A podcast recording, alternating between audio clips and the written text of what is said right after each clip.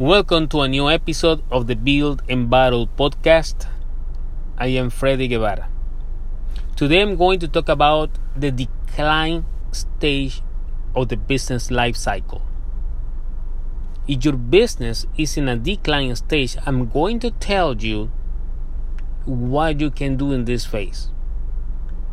But let's remember that in decline stage, how do you know that? If you have reducing sales, you have constant costs, and you have reducing profits, you are in a decline stage in the business life cycle. That's almost the last stage of the business life cycle that is formed by startup, growth, maturity, now decline. Now you are at this stage, you're going to decide between two options. Definitely, you have only two options. One of them is rebirth, and the other one is death. So let's start with rebirth. If you want to pick the rebirth option in the decline stage, it's like a turnaround. It's a turnaround situation and it's going to be characterized by a reinvigorated period of growth. You're going to have a new marketing, you're going to develop new related products or service. is going to be necessary this time. Look for new businesses that complement your current experience and capability because otherwise it can be a disaster.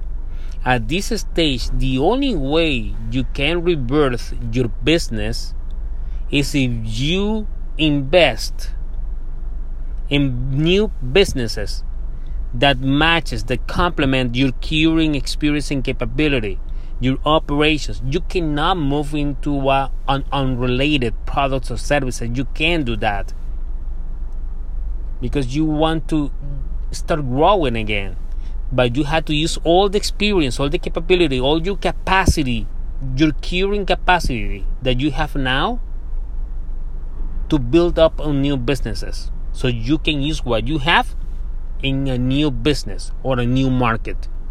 That's the way you rebirth. Now, if you decide for the death, even in the death, you have options. If you are not willing to fight for a turnaround, you have two options in the death decision. You either shut down or you sell your business. If you're going to sell your business, it's going to require a realistic valuation of the company to determine its worth. This can be an opportunity to cash out on all of the hard work.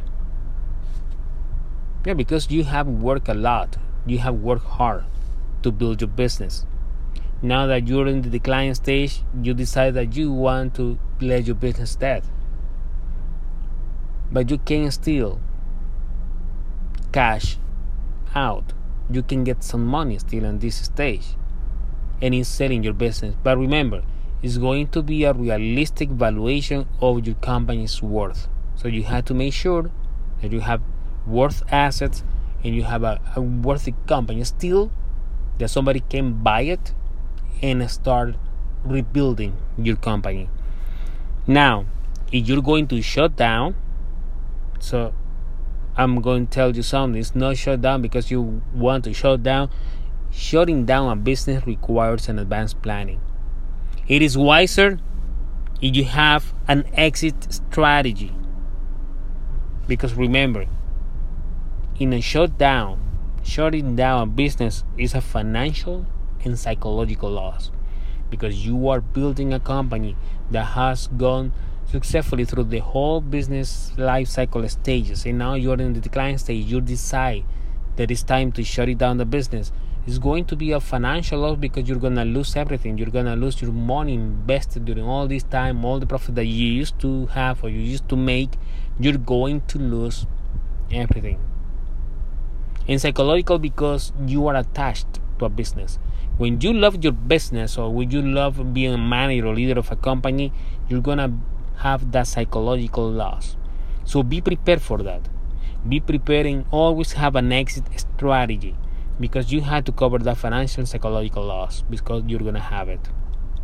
So, those are the options that you have in the decline stage of the business life cycle. Remember, let's let's summarize again. How do you know that you are in the decline stage? Because you have reducing sales, constant cost, and reducing profit. And you have two options: rebirth. That means that you're going to invest in new businesses using your current experience, capability, and capacity, or two, the death.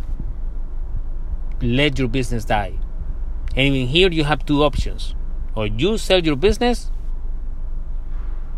or you just shut down your business. I hope those options are clear for you. And let me know if you have had any experience in a business in a decline stage.